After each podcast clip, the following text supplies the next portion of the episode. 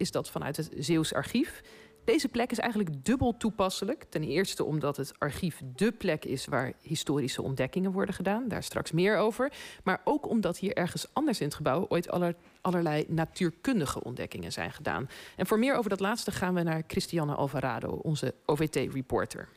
Ja, in het Zeeuws Archief, waar het Zeeuws Archief nu in zit... dat gebouw heet het Van der Perrehuis. En dat is een, uh, nou, toch een heel oud gebouw. Ik sta in de bibliotheek, wat helemaal bekleed is met hout. U hoort het misschien wel, overal donker hout. Um, en ik sta hier met Anneke van der Waarde-Koets, uh, archivaris hier bij het Zeeuws Archief. Wie was die Van der Perre eigenlijk, waar dit uh, allemaal naar vernoemd is?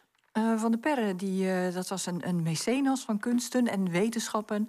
Hij was getrouwd met een van de rijkste erfdochters van heel Middelburg, Jacoba van den Brande.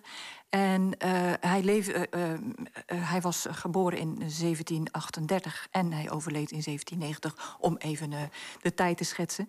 En ehm, zij waren zeer, het echtpaar met z'n twee, waren zeer geïnteresseerd in allerlei zaken rondom wetenschap en, en kunst. En uh, nou ja, het gaat nu dus over de wetenschap. Dus het is heel mooi dat er op de, deze dag aandacht aan Van de Perre wordt besteed. En aan zijn vrouw. Ja, en daar gaan we zo meteen nog veel meer over horen, zeker over zijn vrouw. Maar nu zie ik op het plafond van deze bibliotheek zie ik een soort uh, gouden, bronzen uh, rond ding hangen met allemaal windrichtingen, lijkt het wel op. Als een soort um, bloemblaadjes steken er windrichtingen uit. Wat is dit? Dit is een windroos en die uh, met uh, 32 windrichtingen. En die is met een, een uh, staak, zal ik maar zeggen, door het dak verbonden met een windvaan. Um, voor uh, het Zeeuws Archief is hier in 2000 uh, ingetrokken. En daarvoor heeft vijf jaar restauratie van dit huis plaatsgevonden.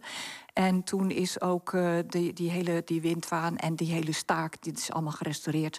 En hij draait nu ook gewoon weer, zoals hij in de tijd van Van der Perre ook deed. Hij doet het gewoon. Ja.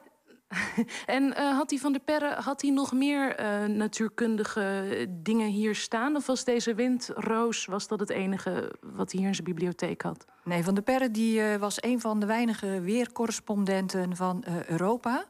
En hij ging drie keer per dag ging die het uh, weer meten, zal ik maar zeggen. En dan had hij allerlei instrumenten had hij daarvoor. Uh, een thermometer, een uh, kwikbarometer, een weerhaan. Wind, en de windkracht moest hij meten. Met zijn ogen natuurlijk ook. Hè, de bewolking moest hij dan beschrijven. Hij had een regenmeter en hij had een tabel voor de maanstanden. Dat moest ook allemaal nog. En dat stond hier allemaal in de bibliotheek. Deze bibliotheek waar we nu staan. Ja, en hij had ook nog een hele set op kasteel Westhoven dat was zijn buitenverblijf, wat hij via zijn vrouw had uh, verkregen. En uh, zijn vrouw had dat weer geërfd van haar rijke peetoom. Haar rijke peetoom. En eh, ging nou die interesse, bleef die hier in de bibliotheek... of kwam die ook nog buiten hier in Middelburg? Was dat te merken, die interesse van de Van der Perres in dit soort fenomenen? Ja, zeker. Uh, ze, ze uh, waren zeer uh, gul in het ondersteunen van allerlei activiteiten op het gebied van wetenschappen. Ehm, hij heeft zelfs samen met zijn vrouw het natuurkundig genootschap voor dames opgericht.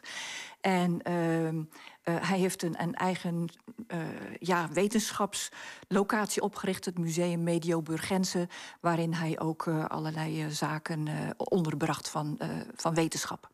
Interessant. En nou weet ik toevallig dat over dat natuurkundig genootschap der dames... dat we zo meteen een hele hoop meer gaan horen... Anneke van Waardenkoets, hartelijk dank, archivaris hier. Julie, terug naar jou. Dankjewel, Christiane.